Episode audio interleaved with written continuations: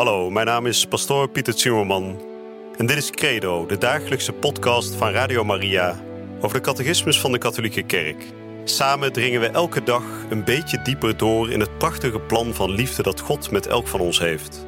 Laat je inspireren en ga met ons mee op deze avontuurlijke reis door het geloof.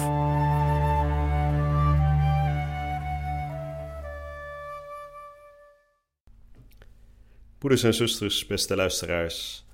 Van harte welkom bij de dagelijkse catechese hier bij Radio Maria.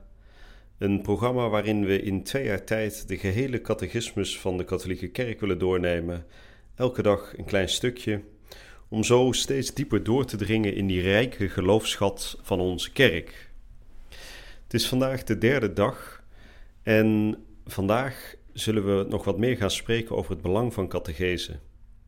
Ik heb de afgelopen dagen gesproken over de inleiding die staat aan het begin van de catechismus. En die spreekt over het belang van kennis van God, kennis van de waarheid. Er wordt namelijk gesproken over de kennis van God die altijd leidt tot een dieper inzicht in zijn wezen, in zijn bestaan. En die uiteindelijk onherroepelijk altijd zal leiden tot liefde. Kennis van God is uiteindelijk doordringen in liefde tot God. En vandaag zal ik spreken over de nummers 8 tot en met 14. En in die nummers wordt gesproken over het belang van de catechese voor de vernieuwing van de kerk. Er wordt gesproken over de verschillende tijden in de kerkgeschiedenis, waarin juist door de catechese er nieuw, een nieuw elan aan de kerk werd gegeven. En er zal ook worden gesproken vandaag over voor wie de catechismus allereerst bestemd is. Uiteraard voor ons allemaal, anders zouden we hier op Radio, bij Radio Maria ook niet een programma, een dagelijks catechisprogramma aanbieden. Maar toch heeft de schrijver van de catechismus, of de schrijvers moet ik eigenlijk zeggen, hebben toch voor ogen gehad dat de catechismus heel specifiek allereerst voor de bisschoppen bestemd was. Waarom? Omdat de bisschoppen natuurlijk bij uitstek de verantwoordelijke zijn voor het goed onderwijzen van het volk van God. En dat dit erg belangrijk is, dat zal duidelijk uh, naar voren komen in deze korte catechismusles vandaag. Zoals de andere dagen zullen we beginnen met gebed. We zullen eerst vragen om de bijstand van de Heilige Geest. En we zullen ons hart openen voor de God die tot ons wil spreken, juist in de leer van zijn kerk. In de naam van de Vader en de Zoon en de Heilige Geest. Amen.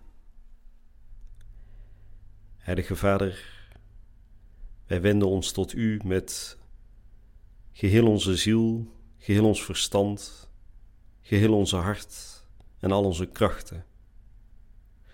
We vragen om de bijstand van Uw Heilige Geest, de Helper. Hij is degene die door Uw Zoon Jezus Christus is beloofd, als degene die ons alles zal leren, ons alles in herinnering zal brengen. Daarom willen we vragen dat door de Heilige Geest onze oren en ons hart geopend mogen worden voor uw waarheid. Uw waarheid die juist zo duidelijk doorschijnt, doorklinkt door de leer van de katholieke kerk. Goede Vader, we vragen dat we door deze catechese mogen groeien in geloof, hoop en liefde, maar ook in dankbaarheid. Dankbaarheid voor uw grote verlossingswerk, dat u hebt voltooid in uw Zoon Jezus Christus en dat u ook wil voltooien in ons eigen leven. Amen.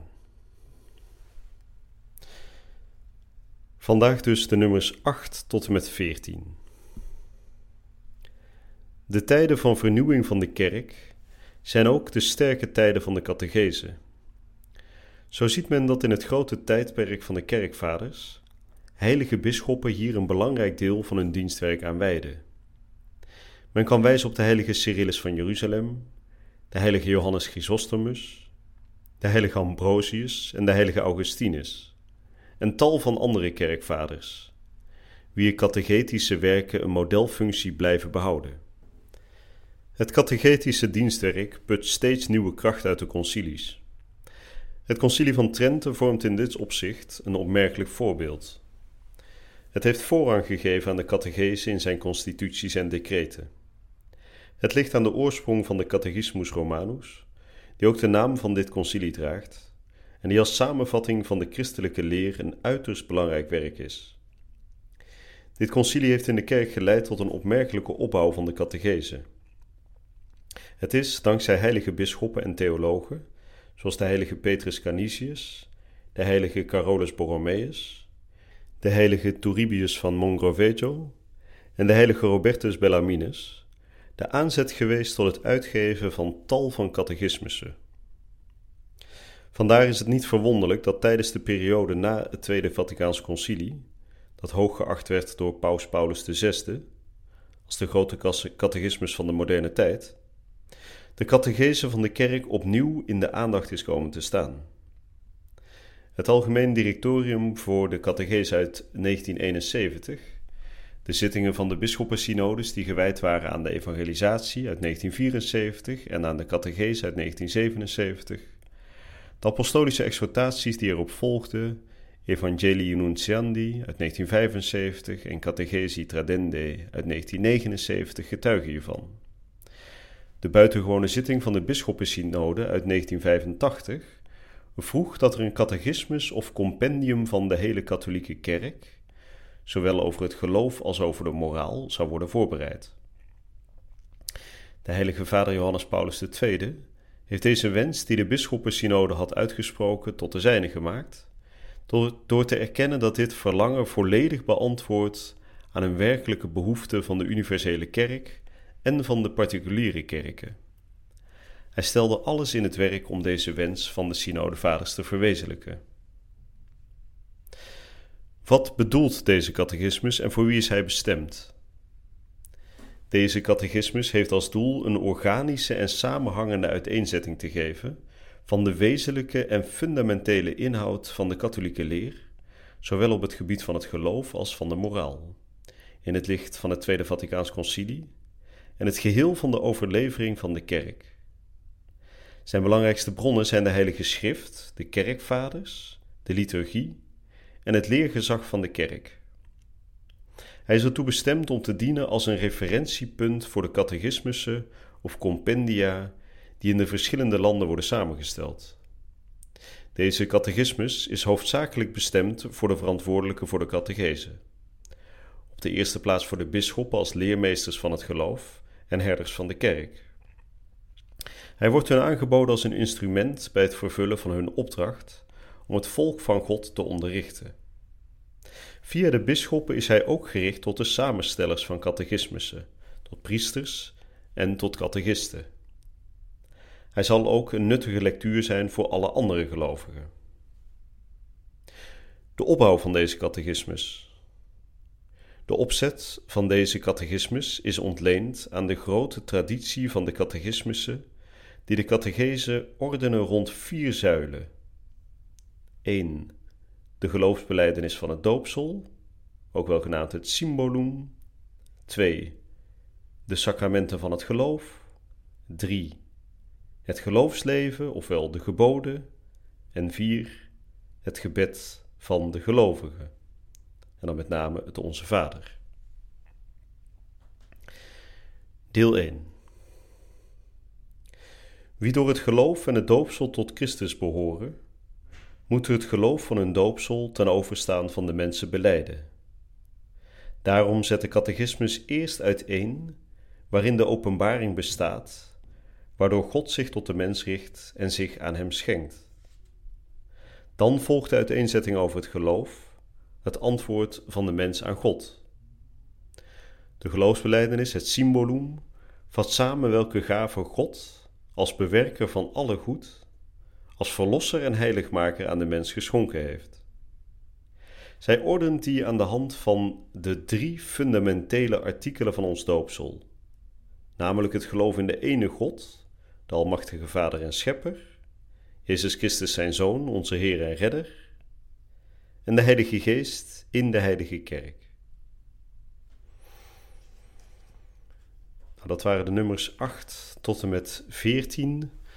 Dus kort samengevat, u hoeft niet alle namen van alle documenten uiteraard te onthouden. Dat zou uh, niet te overzien zijn met zo'n uitvoerige catechese. Maar wat wel belangrijk is om mee te nemen is dat de catechismus duidelijk spreekt over een rijke traditie van verschillende catechismussen die altijd een vernieuwing van de kerk hebben gebracht, nieuw geloofsleven hebben versterkt in de kerk.